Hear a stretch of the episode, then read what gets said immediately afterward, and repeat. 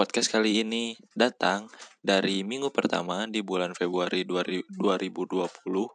Bahasanya tentang tafsir modern. Ya, berbicara tentang permasalahan-permasalahan yang marak di pemuda hijrah atau di mana pun. Gua Marali Aulia, aka Komron, Agung Harliadi, dan Alabit Bagas. Dan selamat datang di Analogi Podcast. Eh sebelum uh, mulai ya, sebelum mulai gue uh, minta maaf dulu ke kalian karena kualitas soundnya yang kurang. Ditambah di luar itu uh, lagi hujan, jadi bakal ada suara hujan juga. Terus uh, kita bakal nampilin visual awalnya doang, jadi suasana pas kita syuting sama dosennya itu kayak gimana uh, kita ngobrolnya kayak gimana. Jadi di menit-menit awal itu ya sekitar 5 menit 10 menitan lah. Itu kita cuma nampilin tampilan awal ke sananya itu spektrum. Kalian tahu kan spektrum? Uh, spektrum itu kayak di radio gitu yang naik turun naik turun gitu. Ya pokoknya gitulah. Kalian sekarang uh, boleh tiduran rebahan karena konten ini diperuntukkan untuk orang-orang yang menganggur tapi masih ingin mendapatkan ilmu. Jadi kalian boleh pasang headset kalian, ambil headset kalian, ambil casan kalian soalnya podcast ini lama. Colokin casan kalian, colokin headset kalian, pasang di telinga. Kalian boleh tiduran, boleh sambil makan. Ya terserah mau sambil ngapain. Ya, silakan santai ngedengerin podcast kita. Ya, Oke. Okay. Silakan. Bismillahirrahmanirrahim. Assalamualaikum warahmatullahi wabarakatuh. Waalaikumsalam warahmatullahi wabarakatuh. Uh, Alhamdulillah. Puji syukur atas kehadirat Allah Subhanahu wa taala yang telah memberikan kita kesehatan sehingga kita masih tetap di sini melakukan aktivitas dan juga masih tetap dalam semangat untuk menggali ilmu pengetahuan di kampus kita. Jadi pada konten kali ini kita akan berbincang sedikit dengan salah satu dosen kita yang mengajar tentang uh, perihal ketafsiran, dunia ketafsiran. Beliau salah satu dosen yang mem mumpuni gitu untuk membahas tentang dunia tafsir modern sama uh, Bapak Dr. Soleh Solehudin, Dr. Solehudin MAG. Pak. Ya. Di langsung aja gitu untuk membahas lebih awal ya sebelum kita mengetahui tentang tafsir modern. Jadi gimana Pak eh, awal gitu sejarah kenapa bisa tafsir itu diklasifikasi ada klasik, ada modern sampai kontemporer. Dari tafsir modern sendiri itu gimana? Oke, bismillahirrahmanirrahim. Assalamualaikum warahmatullahi wabarakatuh. Waalaikumsalam حمدا لرب العالمين والصلاة والسلام على أشرف الأنبياء والمرسلين وعلى آله وصحبه أجمعين أما بعد Saya mulai tidak dari pertanyaan itu, tapi saya akan coba mulai dari eksistensi Al-Quran secara hitungan fisik Al-Quran ini berjumlah 6.666. Hmm. Dan saya kira itu hitungan Ormas Muhammadiyah ya. saya belum mendengar hitungan dari NU sama Persis ini. Berapa? Saya menduga penyebutan angka 6 4 kali itu untuk menunjukkan bahwa uh, angka magis. Angka 6 berjejer sebanyak empat kali dan kelihatan agak keren gitu. Tapi bahwa realitasnya Quran itu berjumlah sebegitu ya oke-oke saja. Tapi realitas lain juga menunjukkan bahwa jumlah ayat Al-Quran tidak sama dengan hitungan 6666 pada awalnya Al-Quran itu tidak mengalami banyak persoalan ketika bersentuhan dengan komunitasnya sendiri, yaitu orang-orang Arab. Saya tidak ada persoalan itu. Kenapa? Karena Al-Quran berbahasa Arab, walaupun tidak sama persis, dan objeknya atau khitabnya juga orang-orang Arab. Meski begitu, Ibnu Abbas membagi pemaknaan Al-Quran itu kepada empat bagian. Yang pertama yang hanya Allah saja yang tahu. Nah, berarti Rasulullah Muhammad juga tidak tahu. Sebetulnya agak berat pernyataan ini. Masa sih ya, uh, Muhammad Rasulullah tidak memahami Al-Quran? Yang kedua Allah dan Rasulnya yang tahu. Yang ketiga Ar-Rasikhuna fil ilmi yang tahu. Jadi Allah, Rasul dan orang yang mendalam ilmunya yang tahu. Dan yang keempat siapa pun tahu. Maksudnya siapa pun tahu itu orang-orang Arab. Jadi orang awam sekalipun di Arab itu ada beberapa ayat Al-Quran yang tidak memerlukan penjelasan. Misal, saya kasih contoh, ketika Al-Quran menyebut ibil, afala yang zuruna ilal ibili kaifa khuliqat? Nah, itu uh, sangat muskil atau rumit atau menggelikan ketika orang Arab misalnya bertanya pada Rasulullah ya Rasulullah mahwal ibil? Itu kan tidak mungkin. Onta itu apa sih? Nggak mungkin itu karena iya. orang Arab juga tahu. Iya, nah ini juga sekaligus menegaskan bahwa Rasulullah tidak menafsirkan Al-Quran seluruhnya Kenapa? Karena orang Arab banyak tahu tentang ayat-ayat Al-Quran yang tidak perlu penjelasan Rasul. Nah, kalau Rasul menjelaskan kembali, maka itu akan terjadi tahsilul hasil. Menjelaskan yang sudah jelas atau menghasilkan yang sudah hasil dan itu mubazir. Jadi saya setuju kalau ada orang yang berpendapat bahwa Nabi tidak menafsirkan Al-Quran seluruhnya karena realitasnya banyak orang-orang Arab karena Quran berbahasa Arab tidak perlu me mengambil penjelasan dari Rasul karena mereka sudah tahu. Karenanya penafsiran yang muncul pada masa Rasulullah dan para sahabat itu adalah penafsiran yang basit. Penafsiran yang sangat sederhana. Tidak memerlukan berjilid-jilid tafsir kertasnya juga belum ada waktu itu, sangat sederhana. Dan yang lebih penting adalah eh, para sahabat tidak memerlukan penjelasan panjang. Karena orientasi para sahabat ketika itu adalah pengamalan Al-Quran. Jadi mereka tidak mau disibukkan oleh makna-makna yang rumit, sementara pengamalannya malah miskin. Nah, uh, pertanyaan tadi itu sesungguhnya sedang mengarah pada pembabakan tafsir, hmm. pembabakan sejarah tafsir. Dan saya kira itu kreasi para ulama saja. Ya tafsir tetap tafsir, hanya ketika bersinggungan dengan sejarah tetap harus dibagi. Walaupun pembagian itu tidak sekaligus menunjukkan ada perbedaan. Jadi ada tafsir klasik. Nah, tafsir klasik itu berarti tafsir yang ditandai oleh eh, tafsir Nabi, sahabat tabiin. Mungkin juga bisa menyentuh sampai tabi tabiin ya. Kemudian tafsir pada abad pertengahan, tafsir modern dan kontemporer. Sebenarnya pembabakannya ini ada empat ya. Tafsir klasik, tafsir abad pertengahan, tafsir modern, tafsir kontemporer.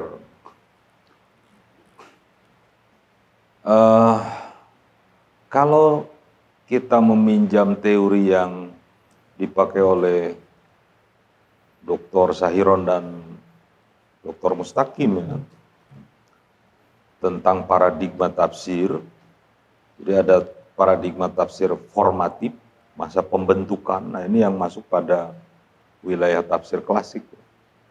Kemudian ada tafsir afirmatif. Ini sudah masuk abad pertengahan dan itu sudah bersentuhan dengan berbagai kepentingan. Kepentingan mazhab, mazhab baik, mazhab fikih, mazhab teologis atau ilmu kalam, atau bahkan mazhab tasawuf dan filsafat. Itu sudah banyak bersentuhan seperti itu, maka ada ruang tafsir pada Wih, syukran ya. Thank you. Atur nuhun. Ada ruang di mana tafsir menjadi at-tabrir. Tabrir itu dalam bahasa lainnya adalah justifikasi atau pembenaran. Maka tafsir afirmatif ini bisa juga dipahami sebagai tafsir sektarian. Gitu ya. Uh, yang berikutnya adalah tafsir modern.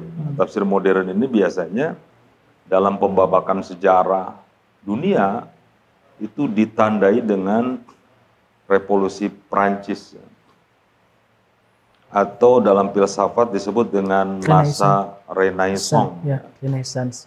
Renaissance, Renaissance itu ya, tulisan Renaissance um, itu pada abad 17. 17 ya. Kemudian di abad 20, abad 19, 20, 21 sampai sekarang ini itu sudah masuk uh, yang terkininya dianggap sebagai kontemporer. Ya, kontemporer. Jadi 17, 18, 19, 20 itu modern. Nah, abad 21 itu kontemporer dalam istilah filsafat disebut dengan postmodernisme. Postmodern. Postmodernis. Postmodern ya. Jadi kontemporer itu bahasa lainnya adalah post posmo. Ya, post. Jadi the end of modern era. Um, untuk tafsir-tafsir klasik kita bisa merujuk ke tafsir At-Tabari. tafsir uh, Ibnu Katsir. Tafsir Ad-Dur Al-Mansur, tafsir bil Ma'sur As-Suyuti. Um, untuk tafsir-tafsir abad pertengahan, ini biasanya ditandai oleh perdebatan uh, pemikiran teologis, perdebatan pemikiran fikih, perdebatan pemikiran tasawuf dan filsafat. Sebut saja misalnya perdebatan ilmu kalam. Iya, ilmu kalam. Itu ada yang uh, bisa kita baca Fakhruddin Ar-Razi misalnya. Itu Mafatihul Gaib atau yang lazim disebut dengan tafsir Al-Kabir. Itu dia mewakili Ahlus Sunnah wal Jamaah. Walaupun istilah ini agak rumit ya, Ahlus Sunnah wal Jamaah ini karena tidak ditunjang oleh hadis yang kokoh. Tapi ya tidak ada, ada persoalan sebetulnya. Penamaan itu tidak mesti didukung oleh hadis juga.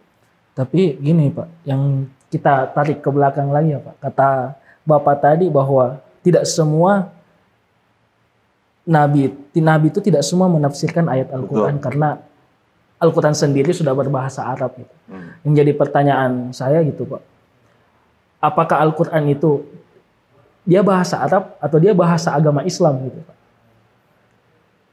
Bahasa Arab. Bahasa Arab. Bukan bahasa agama berarti.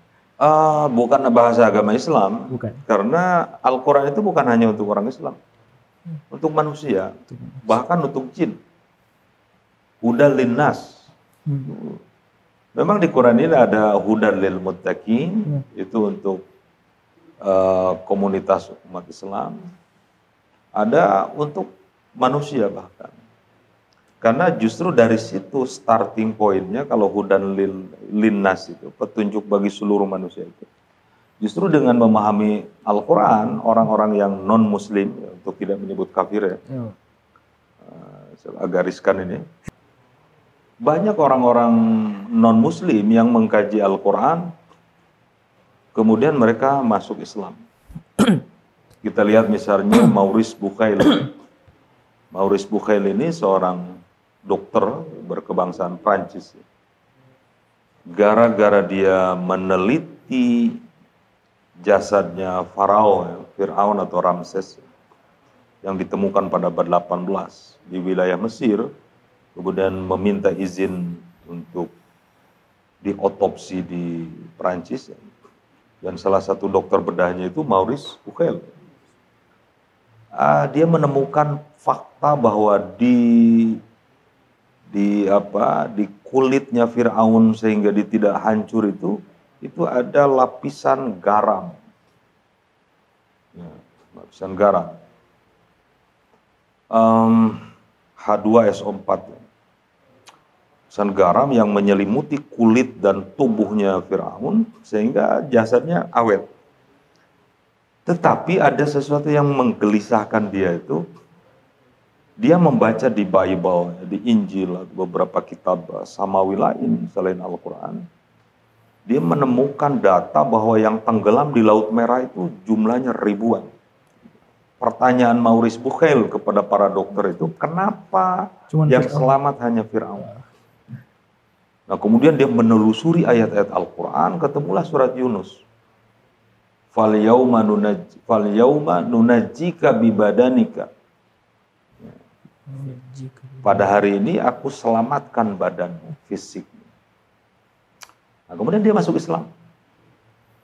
Nah, itulah kenapa Al-Quran menyebut hudan linnas. Hudan linnas. Ya, kan? Hmm. Itu starting pointnya. Tapi yang tadi juga apa yang kata Bapak tadi bilang bahwa waktu dulu zaman sahabat, zaman Nabi, penafsiran itu tidak terlalu banyak soalnya para sahabat itu lebih mementingkan pengamalan ya Pak. Betul. Cuman kalau misalnya kata orang-orang sekarang gitu Pak, kalau memahami Al-Quran itu jangan terlalu tekstualis gitu. apakah memang Al-Quran itu emang sudah begitu adanya dengan teksnya kayak gitu Pak? Jadi tidak perlu lagi ditafsirkan sehingga Begini. sahabat lagi tidak. Uh, kalau kita melihat perangkat menafsirkan Al-Quran, di situ ada ilmu nahwu, gramatika, kemudian sorop ya, yeah. Ya. morfologi, kemudian ilmu retorika yang dikenal dengan ilmu balago, sastra yang dikenal dengan ilmu adab, um, semantik, ya, semantik, semiotika, itu sudah dimiliki oleh orang-orang Arab pengetahuan itu. Hmm. Jadi sesungguhnya mereka punya perangkat untuk menafsirkan Al-Quran. Jadi tidak dalam pengertian Nabi tidak menafsirkan Al-Quran untuk para sahabat itu bahwa para sahabat penafsirannya keliru. Wow. Tidak begitu juga. Enggak. Uh, ada yang perlu saya cermati di sini pada pembagian Ibnu Abbas itu tadi. Yang hanya Allah saja yang tahu. Ya. Rasul tidak tahu. Apa mungkin ada ada ayat yang Rasul tidak tahu? Mungkin. Jawabannya sangat mungkin. Kenapa? Kalau kita berbicara persoalan yang lebih substantif ya, Al-Quran itu kan kalam Allah. Ya, kalam Allah. Kalam Allah itu min sifatillah atau min asma'illah. Ya kan? Al-Quran itu adalah kalam Allah dan kalam Allah itu sifat. Sifat itu adalah sesuatu yang melekat pada zat Allah dan tidak bisa dianggap dua. Ada komunitas uh, kalam Mu'tazilah yang tidak setuju bahwa Allah punya sifat ya. Yeah. Karena kalau Allah punya sifat dan Allah punya zat berarti ada beberapa yang kekal, yang yeah. kodim, yang dikenal dengan ta'adudul kudama. Saya kira tidak juga begitu. Antara zat dan sifat itu tidak bisa menjadi dua. Karena itu-itu juga. Makanya dalam kaidah Ahlus Sunnah wal Jamaah itu di, ada itu kaidahnya lahia huwa walahia ghairuhu. Jadi sifat itu bukan zat, tapi bukan bukan zat. Kalau bukan bukan berarti iya. Bukan. Jadi sifat itu bukan zat, tapi bukan bukan zat. Lahia huwa walahia ghairuhu. Oke, saya kasih contoh misalnya kasus Allah uh, uh, Rasulullah tidak mengetahui zat Allah. Zat Allah tidak diketahui oleh Rasul. Dan itu pembicaraan zat Allah atau eksistensi Allah pada pengertian wujudnya itu Rasul tidak tahu. Seperti apa Allah itu. Karena pernyataan seperti juga menjadi keliru. Iya, seperti Iya kan? Jadi kalau kita ingin memahami Allah dengan benar, hilangkan seperti ini. Berarti dalam proses kemarin Isra dan Mi'raj kemarin Nabi Muhammad tidak melihat Allah berarti. Tidak melihat dan tidak bertemu. Apalagi bertemu. Tidak. Tapi diam atau beliau merasakan kehadiran Allah sedekat-dekatnya. Seperti itu. Um, jadi jangan membayangkan Rasulullah bertemu langsung dengan Allah.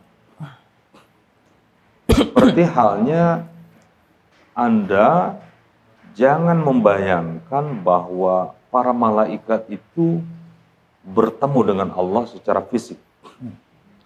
Pada kasus wa iz qala rabbuka lil malaikati inni ja'ilun fil ardi khalifah qalu ataj'alu fiha ma yufsidu fiha wa yasfiku dima wa nahnu nusabbihu bihamdika wa nuqaddisu Itu tidak dalam pengertian Allah datang menemui para malaikat, ya mungkin para malaikat lagi berkumpul, lagi tasbih, lagi tahmid. Kemudian datang Allah, eh para malaikat, aku nih mau nyiptain manusia yang namanya Adam. Ya kan berhadap-hadapan hmm. begitu. Tidak begitu. Tidak begitu. Makanya teorinya kalau kita berbicara gaib itu tetap dibagi dua. Hmm. Ada gaib mutlak, ada gaib nisbi. Gaib mutlak itu hanya milik Allah. Berkaitan dengan Allah itu gaib mutlak. Jadi sesuatu yang tidak tampak dan ketidaktampakannya itu absolut.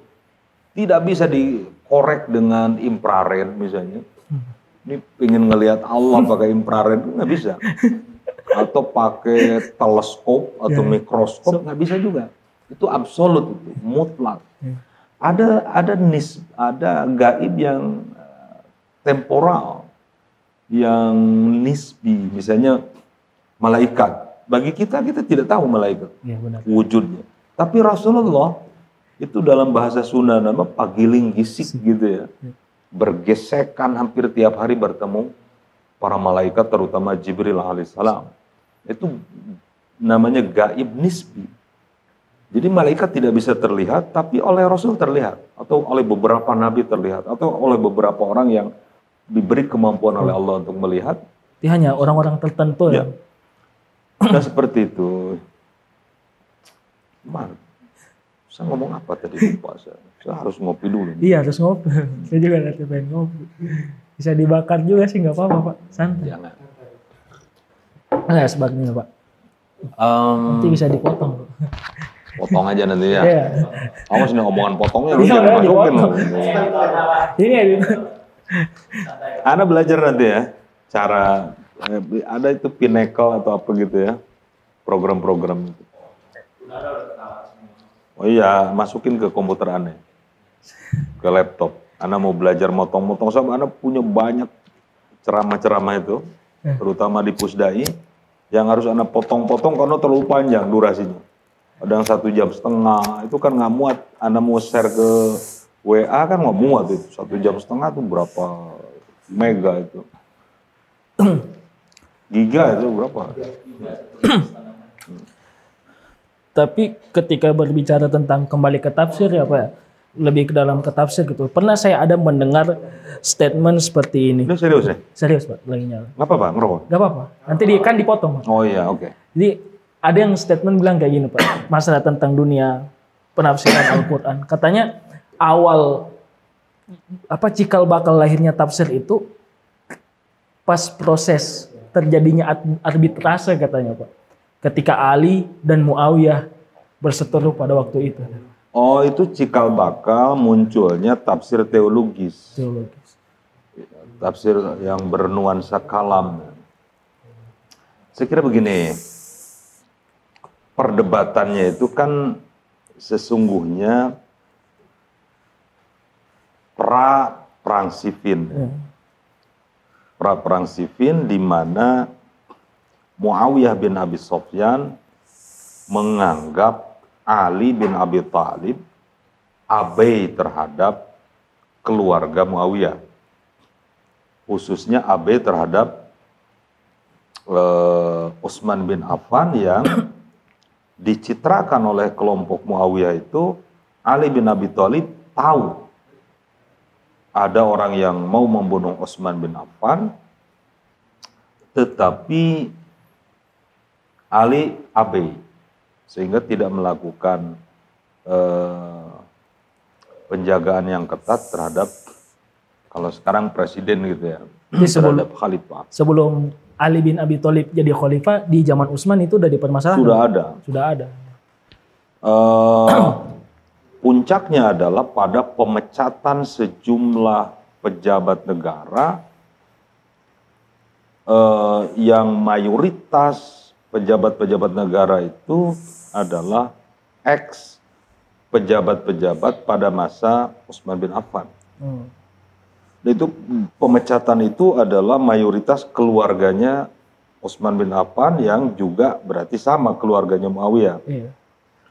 Nah dari situ Muawiyah ketika Ali bin Abi Thalib terpilih dan melakukan pemecatan terhadap keluarga Muawiyah dan Utsman bin Affan, maka terjadi pemberontakan.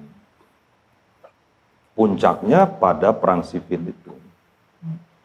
Karena kelompok Ali bin Abi Thalib ini adalah kelompok negara didukung oleh kekuatan eh, pasukan yang memadai dan terlatih. Sementara kelompok Muawiyah adalah kelompok yang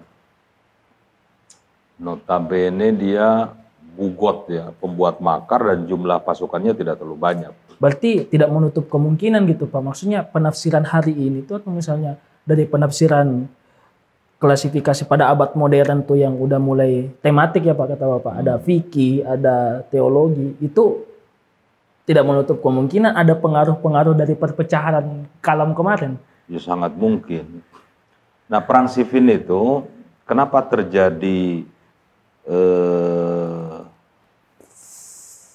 insiden kelompok Ali yang memisahkan diri yang kemudian disebut dengan Khawarij itu karena di Al-Quran itu disebutkan bahwa jika ada yang bugot, yang makar ya, Hmm. maka eh, harus diperangi. Jika ada yang makar, maka harus diperangi. Ketika Muawiyah terdesak, karena Muawiyah ini orang cerdas ya, tidak mungkin dia orang bodoh ya, Iya benar. orang cerdas. Kalau orang bodoh kan nggak mungkin jadi khalifah ya. Iya.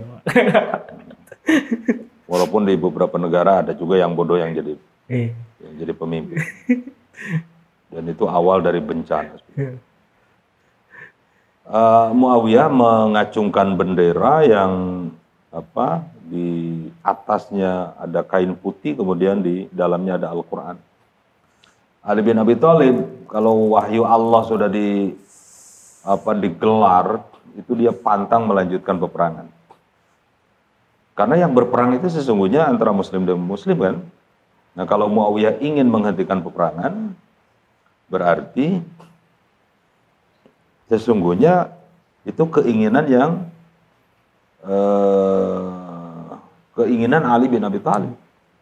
Karena tidak terjadi pertumbuhan darah yang lebih banyak. Cuma Nah, eh, ada ada beberapa orang yang tidak setuju Ali bin Abi Thalib menghentikan peperangan. Karena kalau dihentikan berarti Ali bin Abi Thalib tidak berhukum pada hukum Al-Qur'an, hukum Allah. Karena di, di Al-Qur'an itu disebutkan bahwa yang bugot harus diperangi. Ali menghentikan peperangan. Ini mantik ini. Di Quran, Quran meminta orang yang bugot diperangi. iya. Ali menghentikan peperangan. Berarti Ali tidak berhukum pada hukum Quran. Iya. Maka muncul pernyataan wa malam yahkum bima anzalallah faulaika humul kafirun. Ali ketika menghentikan peperangan, Ali menjadi kafir. Nah itu yang dikumandangkan oleh beberapa orang yang kemudian keluar dari Ali bin Abi Thalib yang disebut dengan Khawarij. Khawarij, ya. Itu kan orang-orang yang keluar dari dari apa dari eh, pasukan Pasukan Ali. Nah yang yang apa yang ada di beberapa literatur ini ini eh, agak telat reasoningnya. Kenapa Khawarij keluar? Karena tahkim. Bukan karena tahkim, Bukan. bukan. Karena Ali bin Abi Thalib menghentikan peperangan. Tahkim itu setelah penghentian peperangan. Gitu ya. Hmm. Jadi tidak setuju Ali menghentikan peperangan, bukan pada persoalan tahkimnya. Sehingga ada beberapa pasukan Ali yang keluar dari Ali, bukan. Tapi karena menghentikan peperangan. Hmm. Berarti ada kesakit hatian waktu kemarin, Pak. Orang-orang jadi akhirnya menjadi khawarij gitu. Kesakit hatian terhadap keputusan Ali. Iya, betul. Tidak setuju. Ya.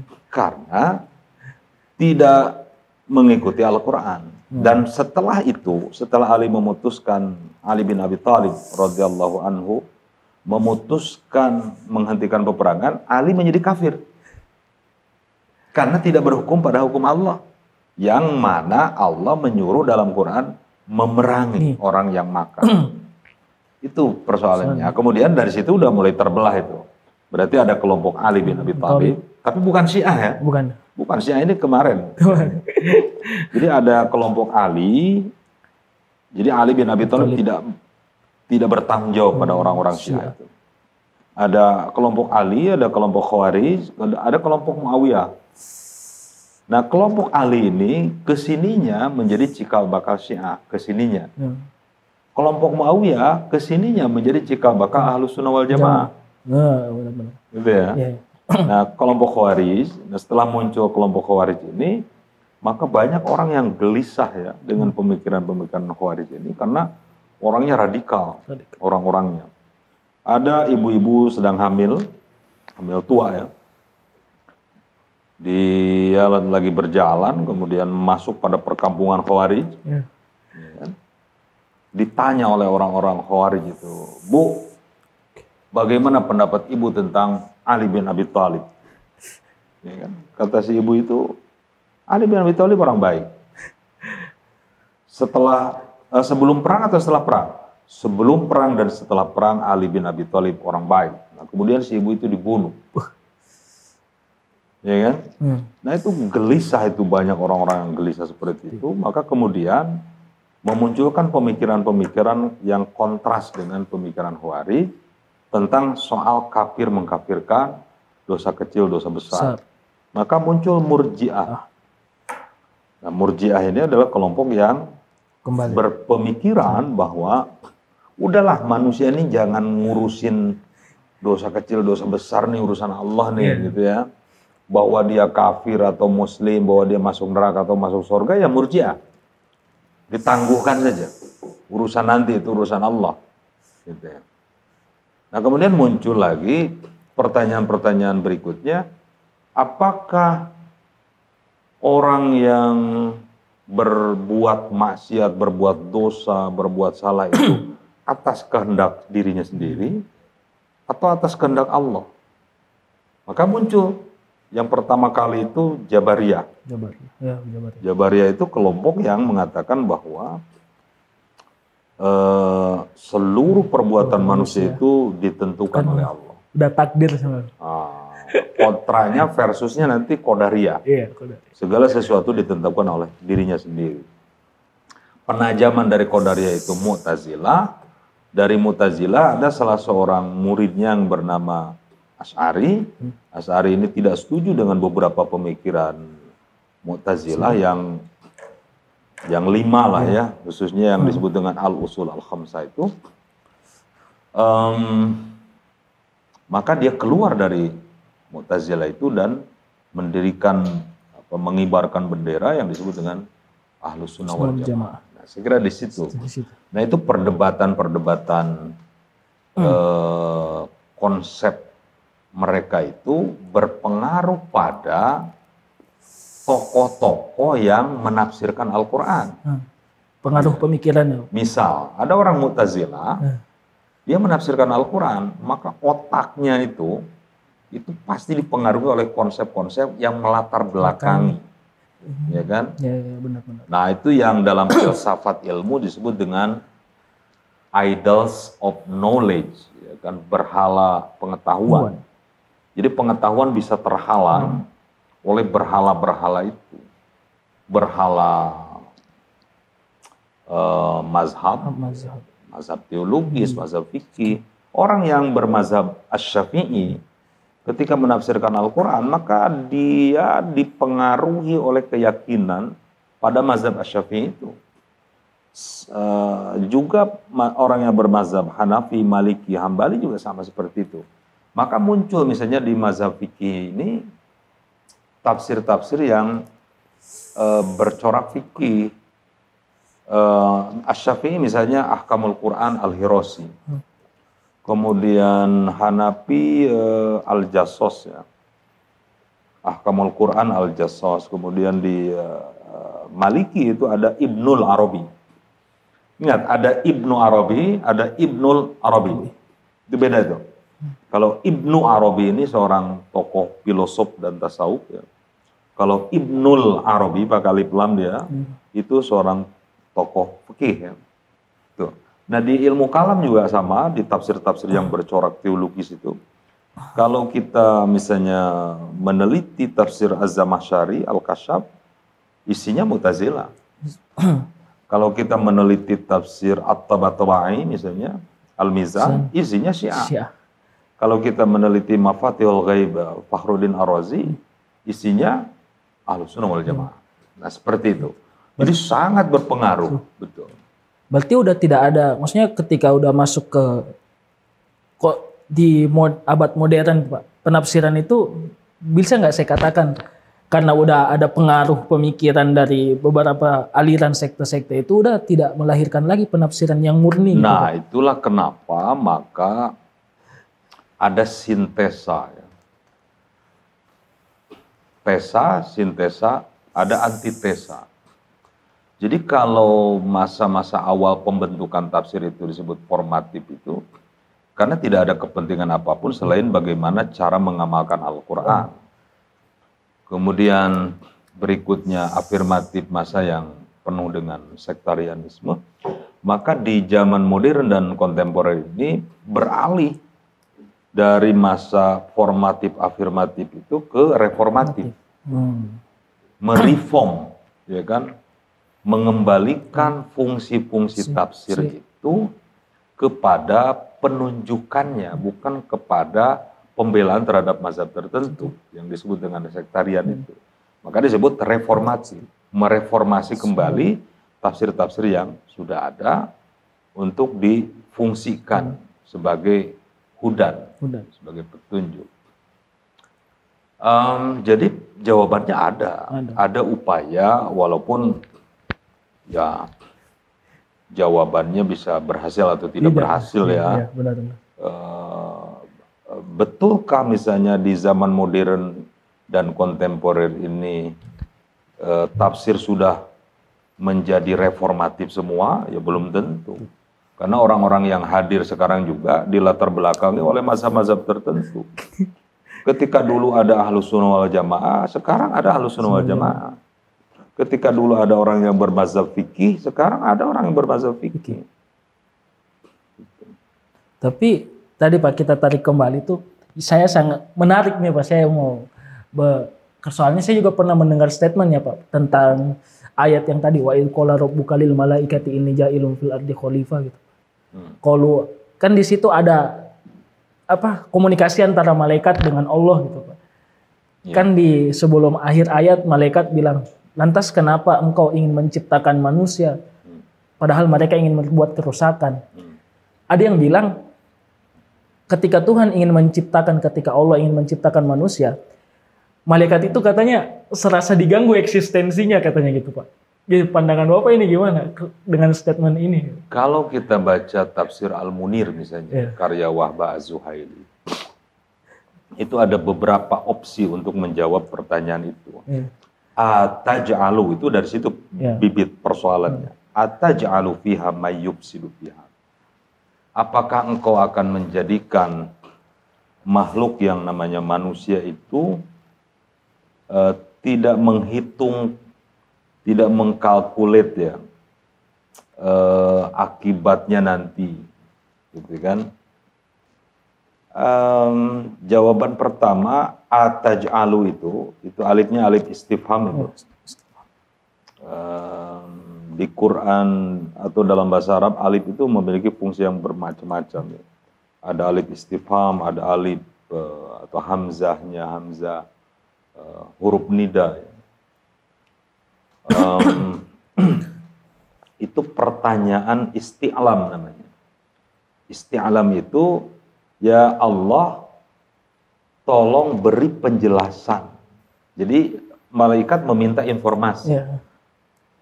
Minta informasi dan dia memprediksi. Jadi itu sifatnya prediktif.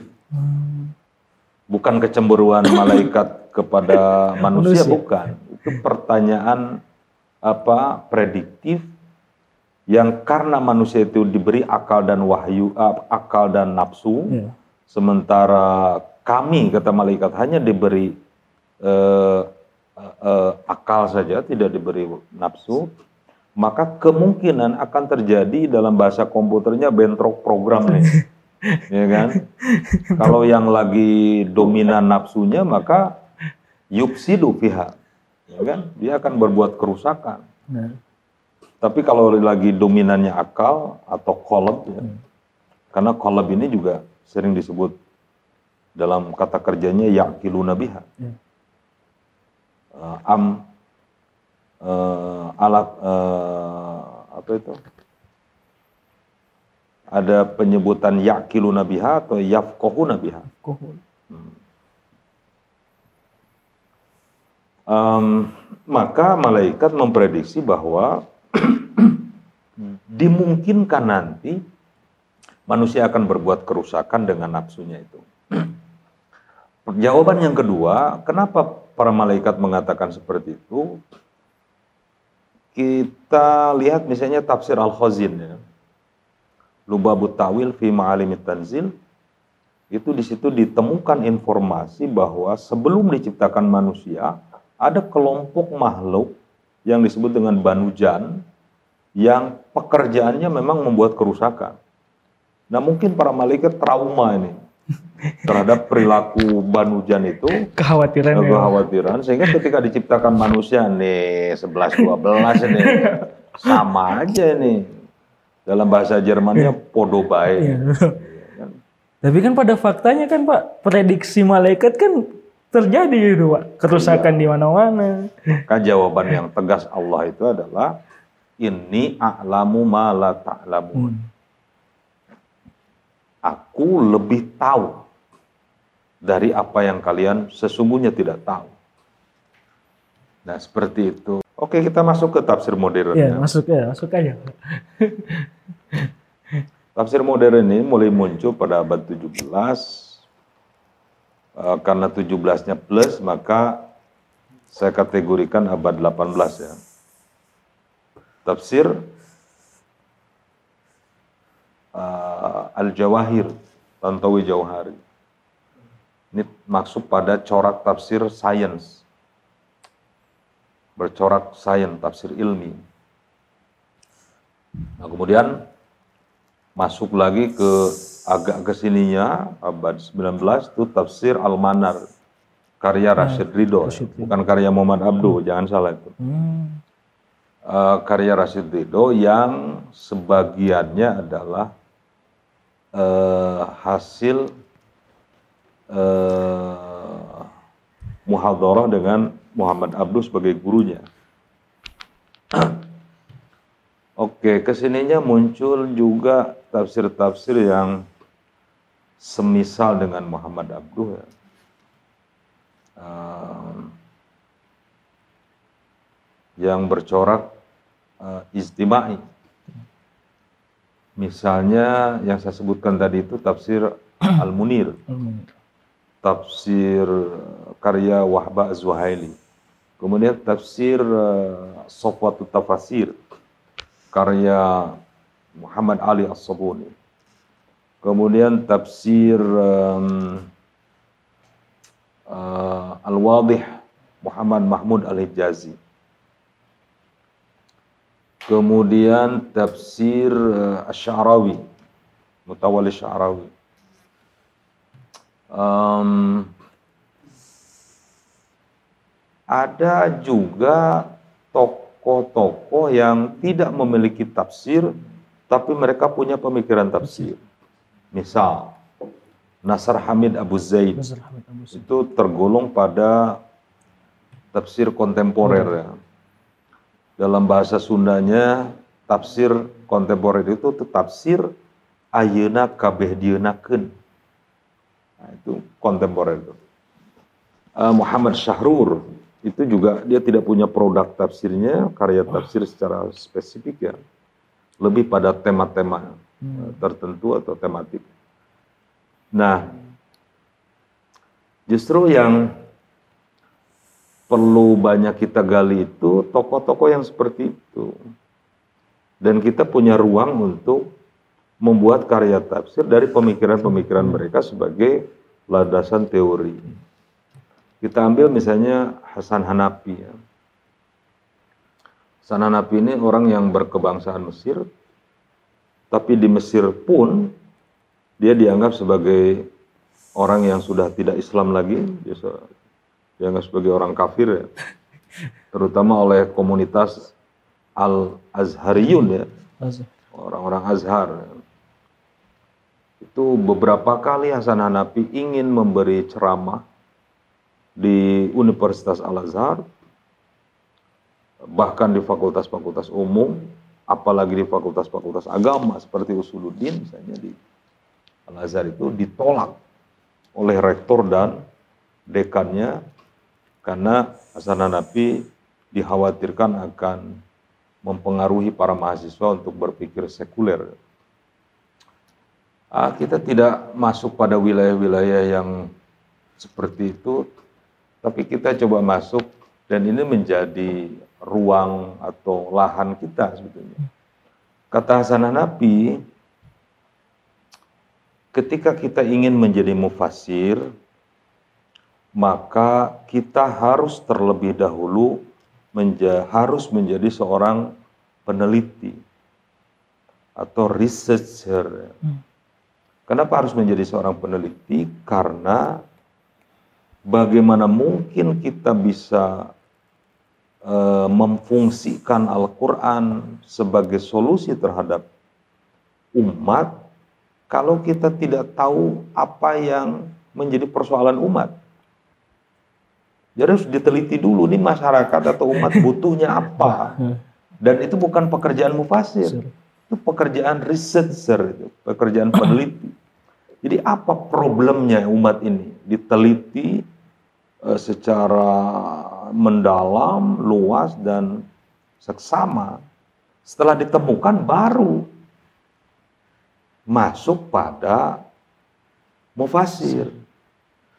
Nah, mufasir men- me- mencari ayat-ayat yang dianggap bisa memberi solusi terhadap problem itu. Misalnya begini, ini saya sering contohkan ini di dalam kelas ini. Masyarakat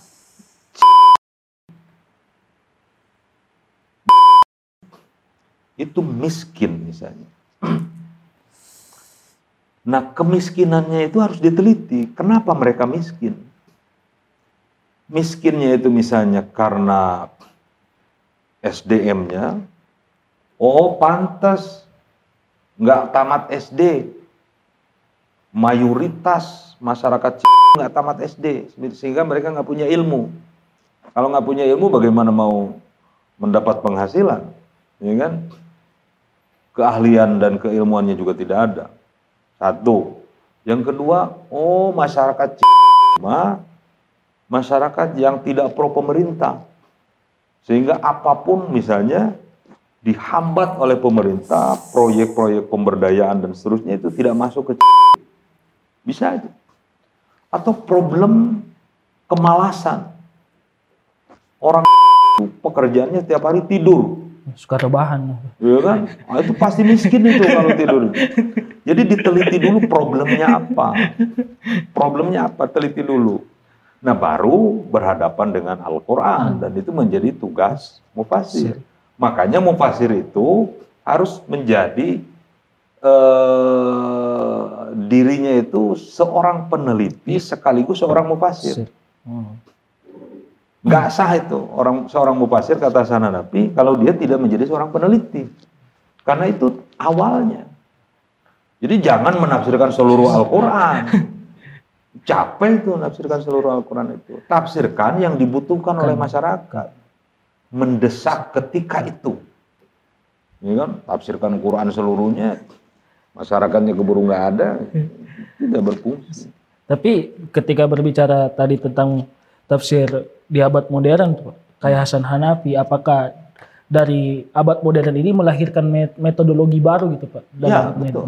Melahirkan metodologi baru. Misalnya Hasan Hanafi, dia meng, uh, memunculkan metode sebagai uh, varian dari metode Maudu'i. Hmm. Itu ada variannya. Kan Maudu'i ini dibagi tiga nih. Ada Maudu'i fil Qur'ani kullihi, metode Maudu'i tematik seluruh Al-Quran. Jadi kalau misalnya wanita dalam Al-Quran, nah itu maudunya fil Quran kullihi. Perang dalam Al-Quran ya kan? Uh, harta dalam Al-Quran ekonomi dalam Al-Quran pendidikan dalam Al-Quran apa pun. Anything. Hmm. tapi kalau menyebutnya Al-Quran berarti itu, itu tematik Al-Quran. Hmm. ada maudunya fi surah. Wanita dalam surat An-Nisa perang dalam surat Al-Anfal misalnya atau apa pun lah ya ada maudu'i, ini bentukan hasanah Nabi yang disebut dengan maudu'i eklektik. Maudu'i eklektik itu maudu'i pilihan. Tidak semua ayat harus dikumpulkan sesuai dengan tema yang dibangun, hmm. tapi pilih berdasarkan ketepatan sasaran dan keakuratannya. Misalnya begini, saya kasih contoh. Um, Anda ketemu orang kaya, ya kan? ketemu dengan orang kaya itu, Anda jangan menyodorkan kepada orang-orang kaya itu ayat-ayat tentang etos kerja. Udah kaya kok, iya kan? Hmm. Udah kaya, nggak tepat itu, iya kan? Tapi sodorkan kepada mereka ayat-ayat tentang zakat, infak, sodako, wakaf, hibah atau apa pun namanya lah ya. Itu baru tepat. Ketemu orang miskin, Anda ketemu orang miskin, itu jangan Anda sodorkan ayat-ayat tentang sabar. Mereka udah sabar kok.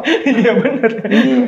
Sabar dengan keadaan. Pak, saya udah udah tiga hari nih belum makan. Sabar ya. Wow itu ngeri itu. Sodorkan pada mereka ayat-ayat tentang etos kerja. Ya kan? Iya. supaya mereka giat bekerja. Nah kemudian uh, buat relasi-relasi dengan um, pemerintah atau NGO untuk melakukan pemberdayaan. Misalnya dilatih skillnya. Ya kan? Ini orang ini kayaknya dilatih komputer bisa nih. Ya, latih. 6 bulan. Kerjakan mereka pada instansi tertentu. Selesai. Ya kan? Ini orang ini tenaganya kuat. Masuk. Ya kan? Misalnya ke apartemen tertentu untuk membangun gedung. Jadi duit. Gitu seperti itu. Jangan sabar. Ya kan? Orang nggak makan tiga hari disuruh sabar. Udah bersabar kok. Nah seperti itu. Hmm. Kalau Anda punya penyakit, misalnya sebut saja sakit perut, ini kritik Hasan Hanafi terhadap orang yang menafsirkan Quran seluruhnya ini. Jadi kalau Anda sakit perut, kemudian Anda ke supermarket, Anda jangan membeli apa yang ada di supermarket itu seluruhnya. Orang gila itu. Anda sakit perut itu beli sesuatu yang bisa menyembuhkan sakit perut itu. Ya kan? Tapi harus didiagnosa dulu sakit perutnya kenapa. Itu perlu researcher itu. Analoginya perlu peneliti. Teliti dulu kenapa sakit perut. Oh, saya belum makan nih tiga hari, pasti perutnya sakit. Jangan-jangan keracunan, ya kan? Jangan-jangan sakit perutnya ini karena misalnya terlalu banyak ketawa, ya kan? Ya kan, uh, sampai sakit perut saya, ya kan begitu. Makanya ketika Anda ke supermarket itu jangan langsung beli proma misalnya. Karena belum tentu sakit perutnya itu gara-gara mah. Tapi gara-gara racun Anda ke dokter. Buang racunnya. Atau netralisir begitu. Apalagi niatan sakit perut Anda masuk supermarket itu membeli seluruh ada yang ada di supermarket itu kan orang gila. Ya kan? Nah itu kritik terhadap orang yang menafsirkan Quran seluruhnya. Orang butuh mendesak sekarang di sini itu problemnya ini di disodorkan berbagai hal, ya kan? Atau tidak tepat malah kayak tadi itu orang kaya disodorin ayat-ayat etos kerja. Itu sama saja dengan anda sakit perut, kemudian anda ke supermarket, kemudian anda beli gergaji. ya kan itu nggak nggak pas itu ya kan? Ya beli obat lah, yang beli gergaji.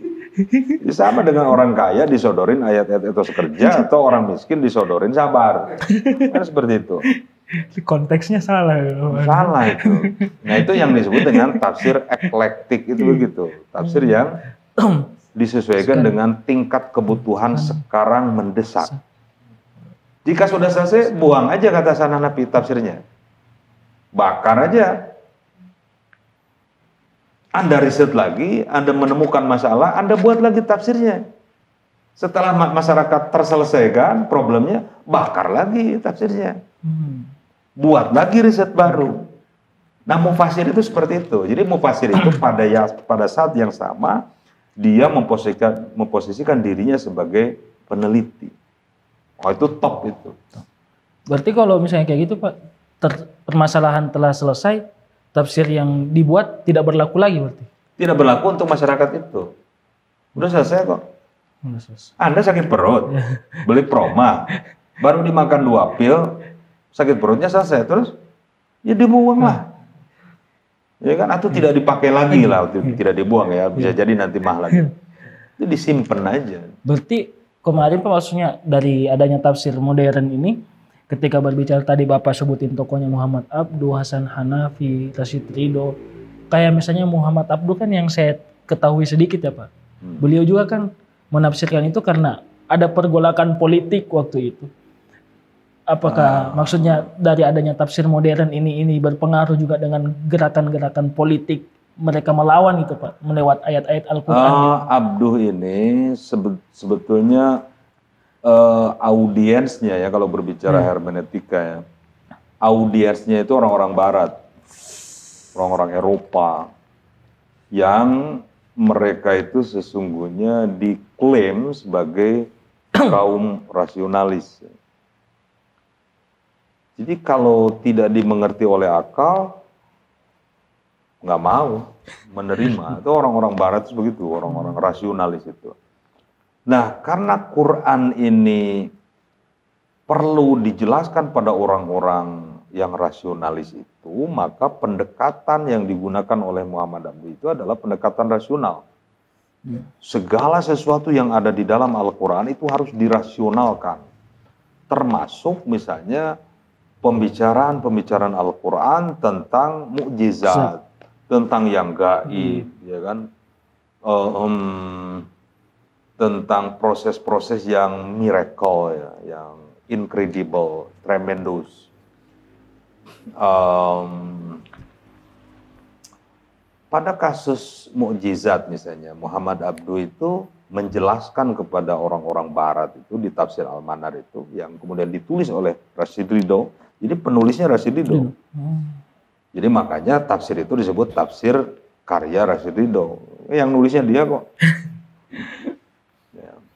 Oke, itu dia e, merasionalkan mukjizat. Jadi mukjizat dalam pengertian khawarikul adat itu dinegasikan itu oleh Muhammad Abdi itu sebagai sesuatu yang dianggap tidak rasional. Sambil kasus satu saja ya, karena kalau banyak nih durasinya bisa hilang. Nih. Muat ini. Jadi satu hari satu malam bisa di sini boleh aja. Bisa. Tapi nanti datanya nggak muat. Oke, sambil kasus satu. Nabi Musa memukul dengan tongkatnya kepada laut kemudian terbelah menjadi dua. Itu penjelasan Muhammad Abdu. Ini lain lagi nanti kalau Muhammad Abdu menjelaskannya pada orang-orang mukmin ya, pada orang-orang Islam. Ini pada orang-orang barat.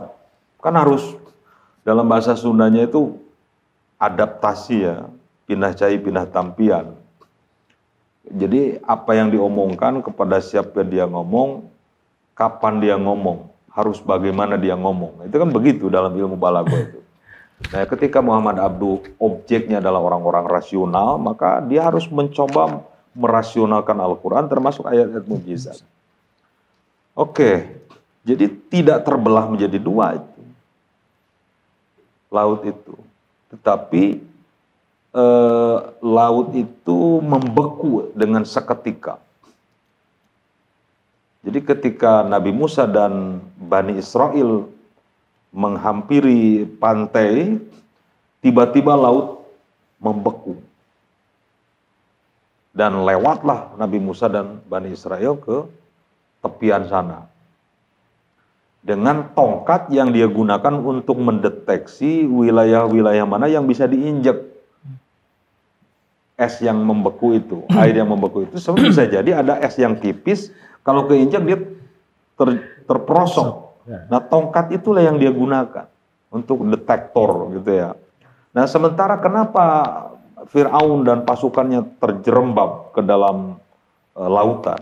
Karena tidak memakai detektor dan rusak itu apa e, laut yang sedang membeku itu oleh gesekan pasukan berkuda ya kan dan senjata berat.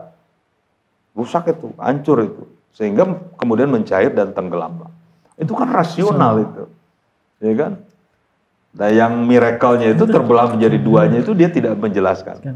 Tapi kalau dia menjelaskan pada orang-orang muslim pasti akan begitu. Terbelah menjadi dua dan ini kekuasaan Tuhan. Kan begitu pasti. Makanya kepada siapa Anda berbicara, apa yang harus Anda bicarakan disesuaikan. Hmm. Anda ngomong dengan nenek-nenek di kampung sana, ya kan? Yang sinyal HP juga tidak tidak masuk ke situ. Nanti ngomong rumus Einstein misalnya. Oh itu nggak masuk itu ya kan?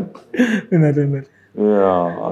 Tapi kayaknya Pak, kalau berbicara sekarang kan Pak, maksudnya ketika melihat Muhammad Abdu kan kayaknya lebih asik gitu Pak. Maksudnya saya pernah juga dengar nih statement kan Pak. Coba kita melihat mujizat para nabi itu dari sisi yang lain gitu. Bahwa eh, kayak kata tadi Bapak bilang Nabi Musa punya alat detektor gitu. Tapi hmm. yang pernah yang saya dengar ya statement tuh Pak di ruang-ruang diskusi. Coba kita lihat bahwa Nabi Musa itu adalah seorang ahli geologi katanya, Pak. Iya, iya, iya. Kalau iya, bahwa Nabi Ibrahim itu adalah ahli psikolog. Dia bisa mengendalikan suhu-suhu tubuhnya gitu karena kecerdasan Nabi Ibrahim itu karena dalam ilmu sains ya Pak katanya.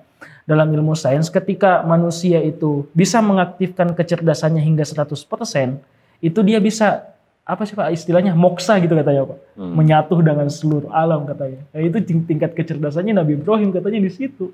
Ya. ya kalau berbicara nabi sih yang rasional itu kan Nabi Musa. Hmm. Ya kan? kalau di Nabi Muhammad itu ada semuanya. Ada semuanya. Ada semuanya. Dia eh, kecerdasan uh, intelektualnya iya, kecerdasan spiritualnya iya, yeah. kecerdasan emosionalnya iya, yeah. gitu ya. Yeah. Itu lengkap lah kalau Nabi Muhammad. Tapi kalau Nabi Musa itu itu cermin dari rasionalitas ya. Dia tidak percaya hal-hal yang bersifat irasional. Hmm.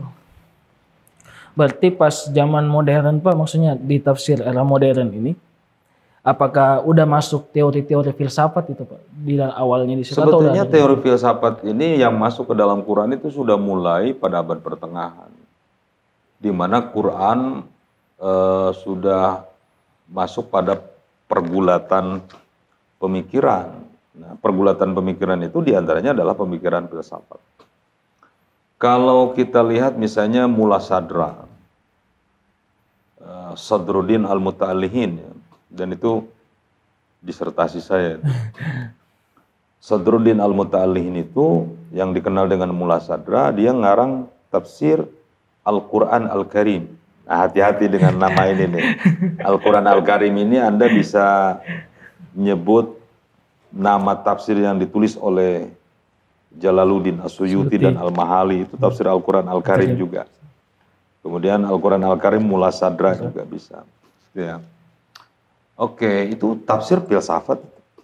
Tafsir yang menggunakan disiplin ilmu filsafat dalam menafsirkan Al-Quran. Tapi juga ada unsur-unsur tasawufnya. Karenanya tafsir Sadra ini dikenal sebagai tafsir teosofi, tafsir tasawuf filsafat. Tapi maksud saya bahwa filsafat sudah merambah pada wilayah tafsir Al-Quran itu, itu sudah ada pada abad pertengahan hmm. gitu loh. Jadi bukan di zaman modern. Hmm. Ya di zaman modern ya, tetapi kan filsafatnya sudah filsafat posmo, postmodernisme. Saya tidak bisa membayangkan nanti kalau pasca posmo apa, ya kan? Filsafat klasik, filsafat modern, filsafat postmodernisme. Kalau filsafat postmodernisme selesai, apa namanya itu? Ya kan? So, post postmodernisme ini sekarang sudah mulai di digugat ini. Ya kan? Misalnya Anda akan menemukan buku The End of the Art, ya kan? Runtuhnya ya. dunia seni. seni. Seni itu kan posmo itu. Hmm. Kalau runtuh berarti posmonya runtuh juga. ya kan? The End of Science runtuhnya hmm. dunia pengetahuan. Itu sains itu postmodernisme itu. Jadi postmodernisme sedang digugat ini. Kalau kemudian gugatannya semakin kencang, posmonya jadi hilang. Ya, saya tidak mau masuk ke wilayah situ ya. Oke, apa lagi pertanyaannya? Tapi terakhir sih mungkin boleh Pak. Hmm. Maks karena adanya mungkin awal-awal tafsir modern kan memang pergolakan pemikiran memang banyak ya Pak pada waktu itu. Cuman yang menjadi uh, yang perdebatan yang sering diulang gitu Pak, apalagi di kelas ya Pak, saya pribadi itu sama teman-teman bahwa apakah hermeneutik itu sah-sah aja gitu Pak masuk ke dalam penafsiran Al-Qur'an sendiri. Hermeneutik itu sebetulnya ilmu menafsir.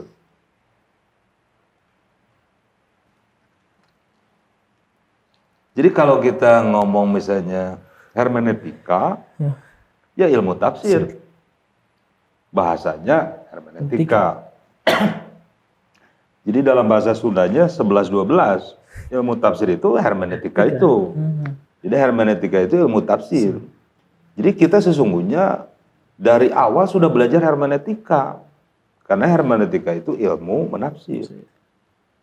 Hanya kita harus membedakan hermeneutika barat dengan hermeneutika yang ditulis oleh orang-orang uh, Islam ya. Kita harus membedakan. Di barat itu hermeneutika dipotong rukunnya dari tiga menjadi dua. Pengarang, teks, audiens. Pengarangnya dihilangkan. Hmm. Pengarangnya dihilangkan, ditidakadakan, yang ada rukunnya hanya teks dan audien. Atau teks dan pembaca teks ya. Nah kalau pengarangnya dihilangkan, maka Quran, kalau dikaji dengan hermeneutika barat, itu sakralitasnya menjadi hilang.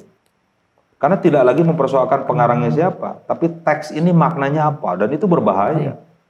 Berarti itu yang dilakukan sama Nasr Hamid Abu Zaid, Pak? Termasuk Hasan Hanafi juga dia me, uh, menyetarakan antara Al-Quran dengan novelnya. Mungkin kalau di kita Bastian Tito, uh, Motinggo, kemudian siapa pengarang Wiro Sableng itu? ya Bastian Tito ya. Itu dua dua belas itu. itu sama itu. Dengan majalah gaul, ya sama aja itu. Quran itu disamakan dengan itu karena yang ada hanya teks dan pembaca teks itu atau penafsir tidak mempersoalkan ya ngarangnya si Udin ke, si Ahmad ke, nggak mempersoalkan itu. Kalau kita sedang menelaah buku ya, bukan Quran. Itu. Nah, ada beberapa tulisan yang di-create oleh eh, tokoh-tokoh muslim tentang hermeneutika ini misalnya salah satunya ditulis oleh Muhammad Imaroh. Nah Muhammad Imaroh ini rukun hermeneutika itu tetap diutuhkan menjadi tiga. Ada pengarang, teks, pembaca teks atau audien. Nah itu, eh, tapi itu khusus untuk orang-orang muslim ya. Orang-orang barat itu. Nah itu kenapa orang barat melakukan hal seperti itu? Saya bisa menebak karena Injil itu tidak sedang membicarakan siapa pengarangnya. Wah, Karena Injil itu kan pengarangnya bukan Gusti Allah. Iya kan? Iya.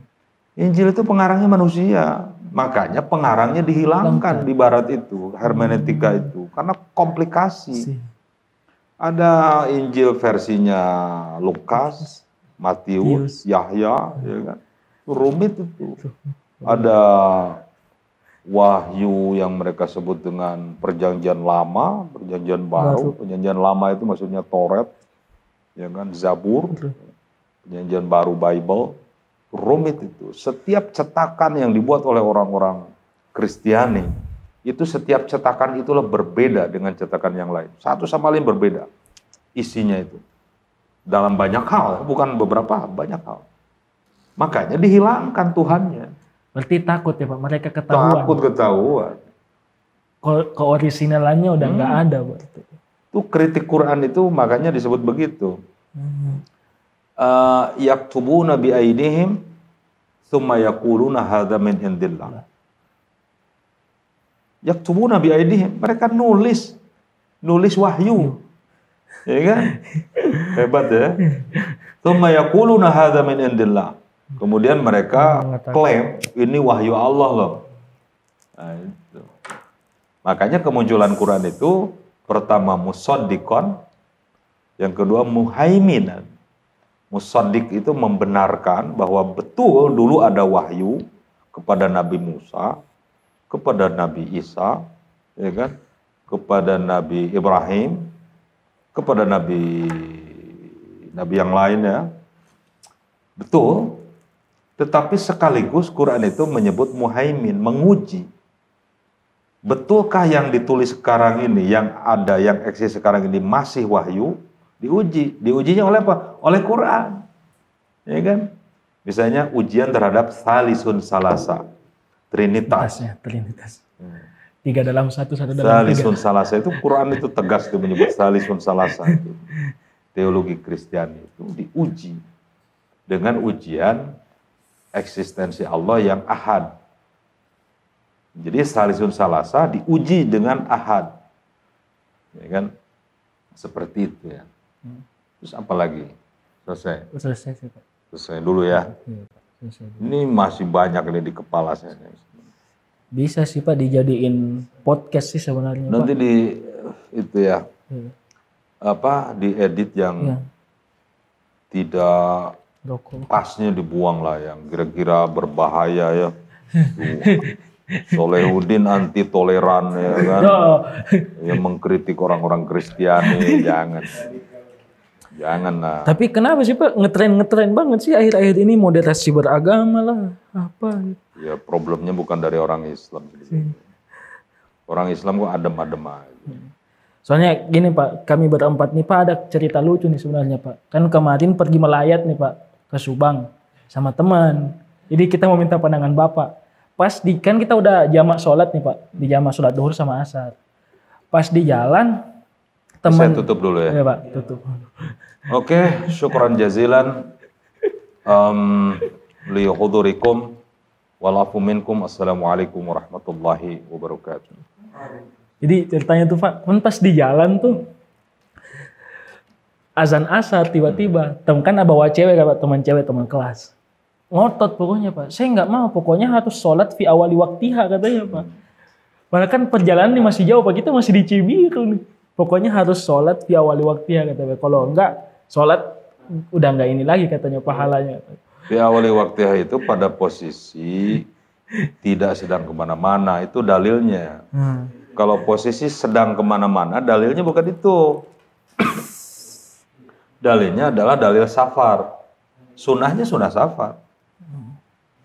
Jadi perlakukan kasus itu sesuai dengan situasinya. Jadi menurut pandangan apa nih dengan ininya gerakan-gerakan pemuda-pemuda hijrah gitu Pak yang ngetren banget sekarang nih Pak. Saya sebagai orang-orang yang lahir dari rahim NU nih Pak sangat menggugat sebenarnya. Ya, saya kira sangat tergantung ya tujuan dari pemuda hijrah itu seperti apa. Begini, Ya, saya mau membuat ilustrasi yang paling sederhana ya, antara UIN misalnya dengan Universitas Umum. Universitas Umum itu ada kajian agama, tetapi kajian agamanya itu diampu, dibimbing oleh satu dosen dengan satu warna. Satu dosen, ingat harus catat, satu dosen, satu warna. Kebetulan misalnya ada dosen yang memiliki warna Khawarij modern. Khawarij modern itu ilmunya tidak seberapa, tapi imannya kuat. Kan Khawarij begitu. Iya iya benar. Khawarij yang keluar dari Ali bin Abi Thalib itu ilmunya cetek, tapi imannya kuat. Ya kan? Keimanannya kuat. Nah saya kira itu terjadi di beberapa komunitas perguruan tinggi, saya tidak mau menyebutnya. Itu agak agak orat itu. Jadi satu warna. Sementara di UIN Bandung ini diajar oleh dosen-dosen yang memiliki banyak warna. Iya benar benar. Jadi kalau Anda mau mengilustrasikan sama seperti Anda pergi ke spare part Honda. itu ada spare part Honda saja. Iya. Dikasih spare part lain nggak mau. Tapi kalau di UIN ini, ini spare part untuk seluruh kendaraan ada. Hmm.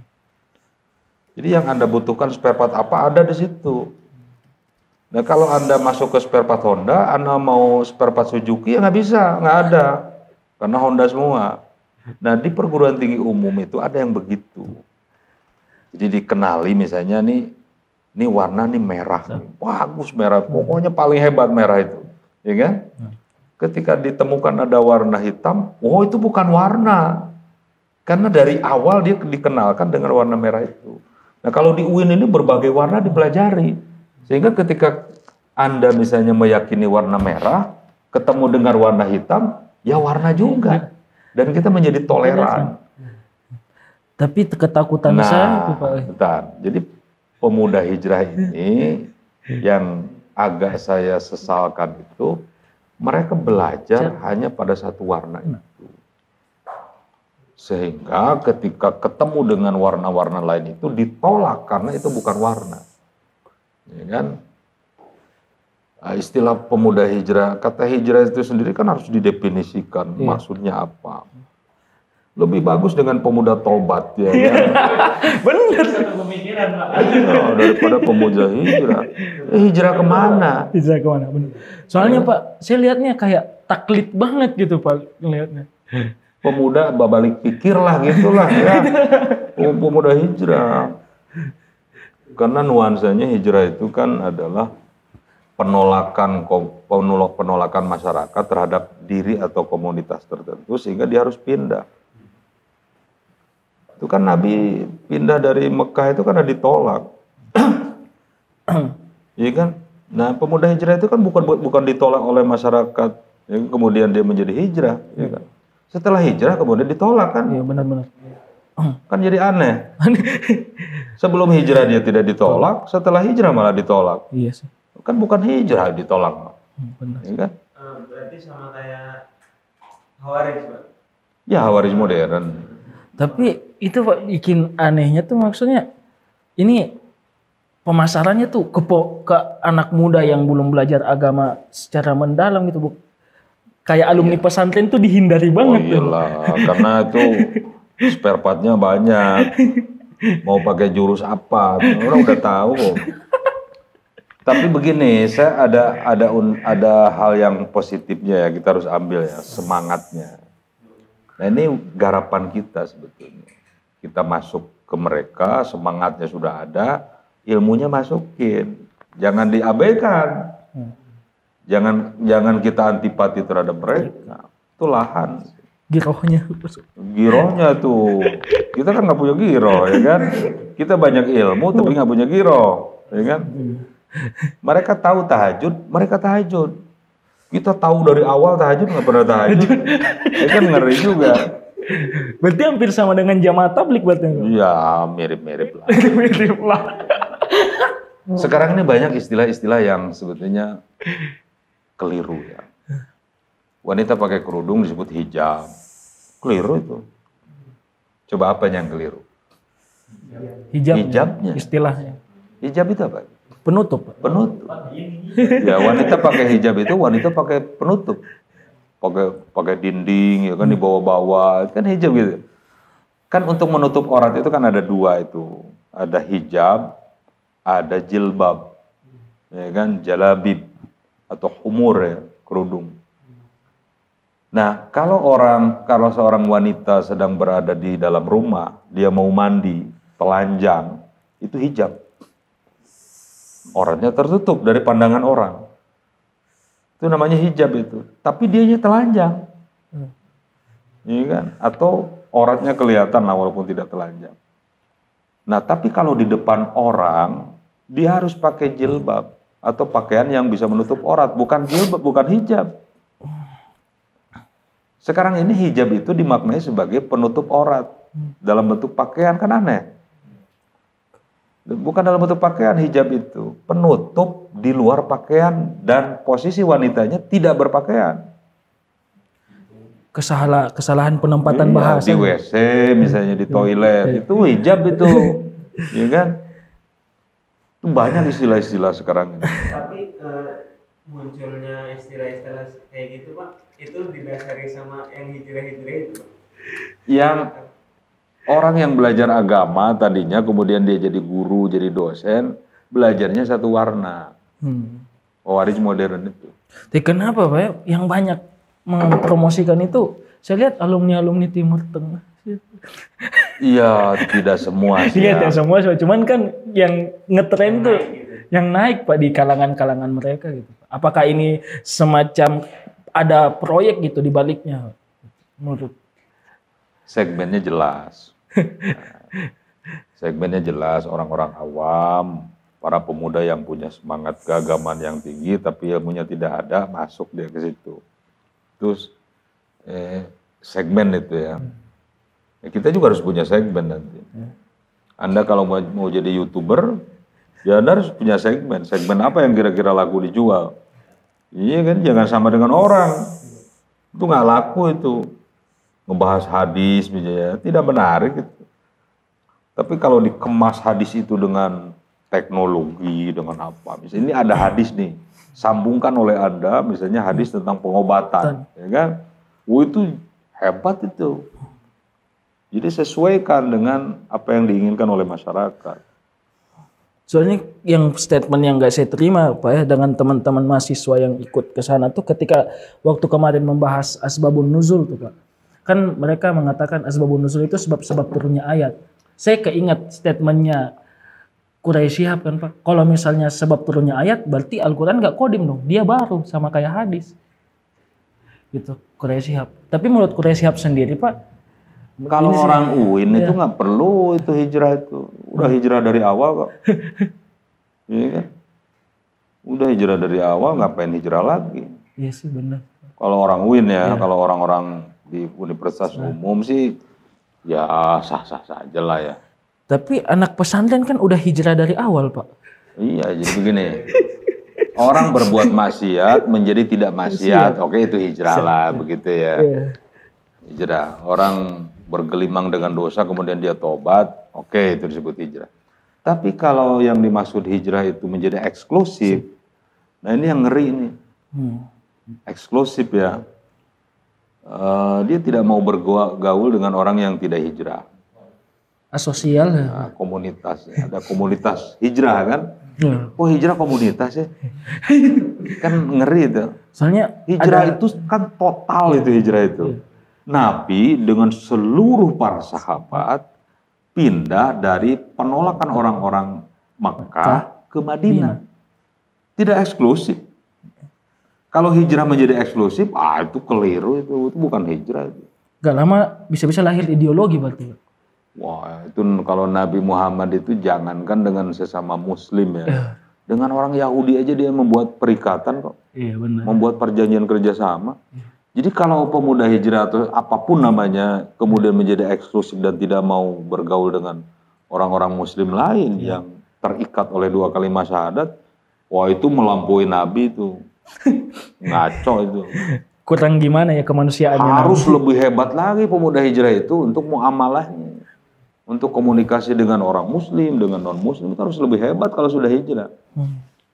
Ini kan, ini lebih eksklusif, keliru itu. Salah besar itu. Begitu. Berarti dengan maksudnya si antropologi secara antropologi itu Pak kita kaji kebudayaannya orang Indonesia, maksudnya konstruk sosialnya. Gerakan hijrah ini berarti tidak cocok Pak di negara kita.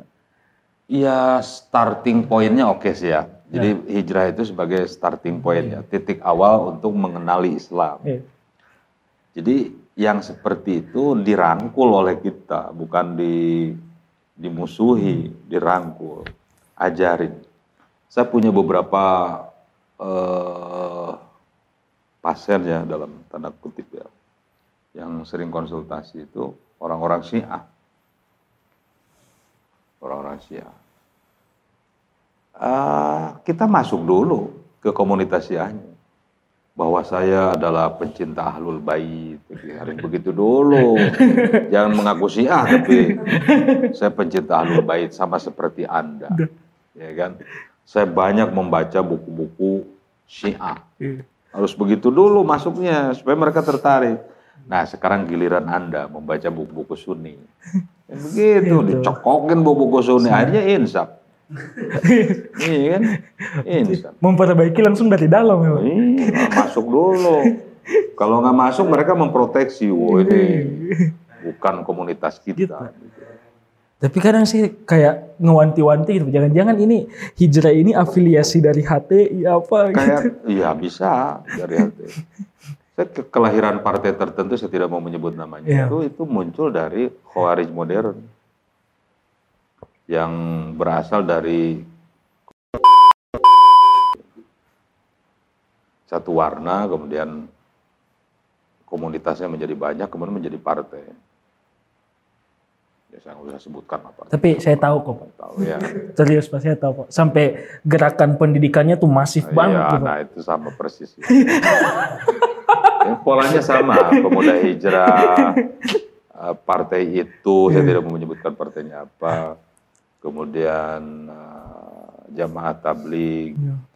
yang huruj-huruj itu. Eh, jamaah Islamiyah atau apa pun namanya. Hizbut Tahrir, Ikhwanul Muslimin, sama pola-polanya. Soalnya Pak, ini beneran ya Pak, saya nggak bohong. Ini curhatan teman saya Pak. Dia nggak ikut uas Pak, nilainya C. Hmm. Minta ulang, dosennya bilang gini. Ulangnya nggak usah uas lagi. Kamu ikut saya huruf 40 hari. Ya. Jadi, Khuruj itu kalau dalam konteks dia siar Islam sih oke-oke aja ya. ya, Saya setuju itu. Tapi harus pada komunitas yang non-muslim. Atau pada komunitas yang belum disentuh agama. ya. Misal, Anda urus ke Irian Jaya, Irian Barat, atau Kalimantan di pedalaman yang di situ agama apa pun belum masuk. Mereka belum kenal Islam. Anda boleh urus ke situ. Dakwah namanya, tablik. Ini ngasih tahu, urus, keluar, ya kan, beramai-ramai, base campnya di masjid-masjid tertentu, ngasih tahu orang yang sudah tahu. Mubazir itu. Bahkan yang dikasih tahunya lebih tahu. Kan menggelikan itu. Jangan sampai seperti itu. Tapi hurufnya saya setuju. Hurufnya dalam pengertian bahwa dia sebagai upaya tablik ya, menyampaikan informasi agama. Ironisnya lagi, ada yang huruf dari kampung tertentu, kampungnya belum benar. Kampungnya belum mengerti agama secara bagus, mereka keluar ke tempat lain. Ajarin dulu kampungnya dong. Iya benar. Beberes lah ta kampung neta, kakara keluar. Gitu, ninggalin anak istri lagi. Iya benar. Keluarganya. Keluarga ditinggalin untuk melakukan sesuatu yang mubazir kan aneh. Ya mubazir itu ngasih ilmu pada orang yang sudah berilmu itu mubazir. Tahsilul hasil namanya. Tahsilul hasil itu bahasa Sunda nama ngalah lauk di piring. Itu dia mancing ikan di piring itu. Ikan udah tinggal makan, ente pancing. Kan orang gila tuh. ya kan? Nggak bisa itu. Padahal Nabi dakwanya ke keluarga sendiri dulu ya Pak. Oh iyalah. Ninggalin anak istri sampai anak istrinya ngutang pada orang karena tidak dinafkahi. Duitnya habis untuk kurus. Nggak, paham. Itu agama ajaran siapa?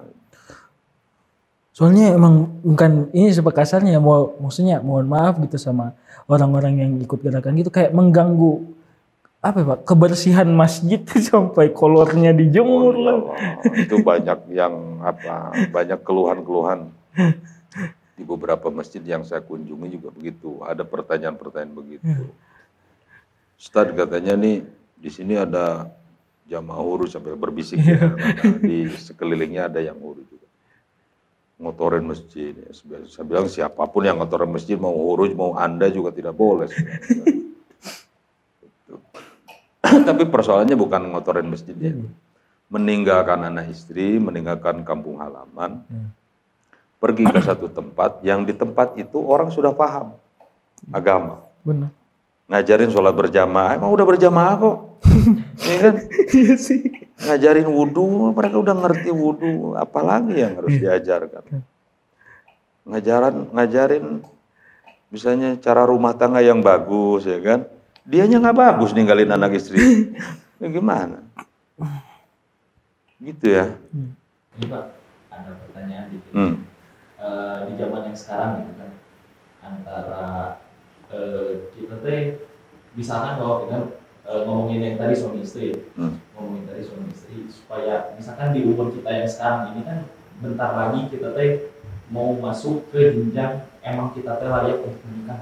Hmm. Nah, persoalannya sekarang eh, di zaman yang sekarang ini kan kita nggak terlalu boleh mudah percaya sama orang. Nah, sekarang itu ada di internet itu ada apa ya web untuk biro jodoh. Hmm. Nah, di sana kita teh eh, persyaratannya kita bakal ditolongin sama si biro jodohnya. Tapi persyaratannya kita harus ngirahin CV. Kan di CV itu semuanya lengkap. Kita lahir kapan, lahir di mana, alamat rumah, nomor telepon, semuanya kan ada gitu di sana. Oke, saya udah paham nih. Biro jodoh itu situs yang sering kali itu jadi modus. Modus untuk mengetahui identitas orang yang eh, terregister ya untuk dijadikan eh, data untuk melakukan kejahatan mereka. Tuh. Ya, kalau kita ngambil kaidah usul fikih sadu diroah sih nggak usah lah. Nggak usah ke biro jodoh biro jodoh itu di UIN banyak loh.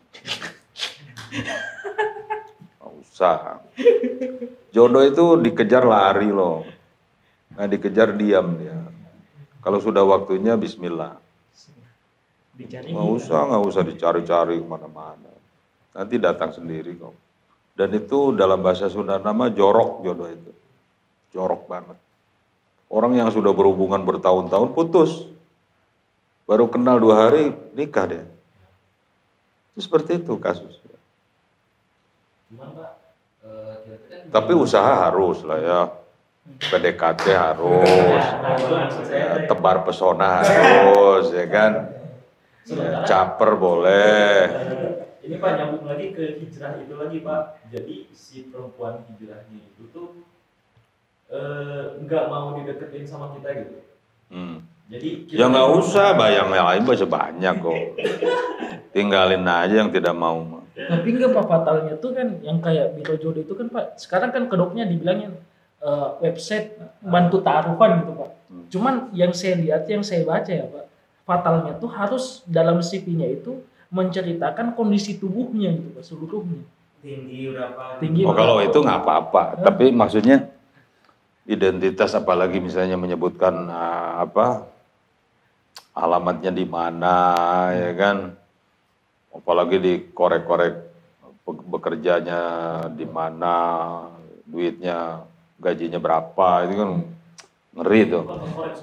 Oh iya kan itu jadi data. Wah ini orang kaya nih. Gue sikat nih. Gitu. Caranya begitu. Nggak usah lah. Kalau nggak nanti saya kasih. Banyak stok. jual-jual agama kan sekarang emang ngetren banget ya.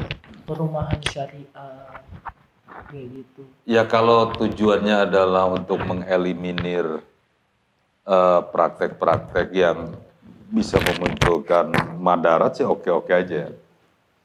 Misalnya bank syariah, perumahan syariah, pegadaian syariah, oke, saya kira setuju saya. Tapi problemnya adalah sekarang ini problem linguistik sih. Masih problem linguistik. Beda nama, isinya itu tuh juga. Ya itu. Nah itu problemnya. Ya, Pak. Kalau saya kasih contoh begini, bunga diganti dengan mudoroba atau musyarakah, tapi prakteknya tidak dirubah. Anda pinjam duit satu miliar untuk usaha, kemudian dikasih oleh bank dan meminta mudoroba. Mudoroba itu apa coba? Bagi hasil ya kan? Untuk menghindari istilah bunga yang bunga itu dicitrakan riba. Nah, saya mau tanya pada Anda, pernah nggak Anda misalnya mendapatkan informasi dari bank syariah itu, kalau orang pinjam duit, sebut saja satu miliar atau berapa lah ya, usahanya untuk apa, ya kan? Terus diperkirakan profit atau margin dari modal yang dipinjam atau diusahakan itu berapa marginnya, per bulan hasilnya berapa, ya kan? Terus ditanya peruntukan untuk bank berapa persen, kan enggak kan? Flat aja, secara kan itu nama berarti. Jadi sama saja antara bunga dengan mudoroba kalau seperti itu. Tapi kalau begini mas setuju saya. Anda mau pinjam uang berapa? Satu miliar. Oke. Anda mau usaha apa? Oke. Kita lakukan pendampingan usaha Anda itu. Ya kan? Mau membuka garmen misalnya kan? Atau eh, besar-besaran membuat konveksi ya kan? Itu dibimbing selama satu bulan usahanya. Kelihatan tuh secara bersama-sama antara pihak bank dengan Anda itu marginnya berapa modalnya habisnya berapa untuk fisik dan untuk pembelian barang yang berputar, yang sirkulir. Itu ketahuan marginnya. Oh misalnya dari satu miliar ini dipakai 900 juta untuk modal, ya kan? Yang yang 100 jutanya untuk kebutuhan lain. Nah, ketahuan untungnya itu misalnya per bulannya itu 50 juta. Ya kan? Oke, 50 juta ini untuk andanya berapa, untuk banknya berapa. Untuk andanya misalnya 60, karena anu usaha genana. Untuk banknya 40 persen, atau 70-30. Ini kan 30 persen untuk bank. Nah, yang harus dibayar ke bank itu modal plus 30 persen keuntungan itu. Gitu nggak? Kan enggak. Enggak kan? Langsung aja bagi persen. Oh iya. Bukan mudoroba itu bunga dengan bahasa Arabnya. Ya kan? Ya sama saja. Bahkan ada unsur penipuan itu. Penipuan istilah. Supaya kelihatan syariah. Berarti pengelolaannya sama aja konvensional dengan Sama sapi. saja. Nah, sap, eh, sapi Antonio itu kan tidak begitu sebetulnya formatnya itu. Dia formatnya itu menghitung usaha yang akan dilakukan itu. Makanya pemberian mudorobahnya tidak dieksekusi waktu itu. Tapi setelah usahanya berjalan. Jangan dieksekusi, usahanya juga belum, udah di persentase, Anda harus bayar sekian, modalnya sekian. Ya, pinjaman pokoknya berapa, mudorobahnya berapa, ya sama saja. Aduh. Mantap banget. Selesai dulu ya, Selesai. saya lagi membuat tulisan-tulisan ini.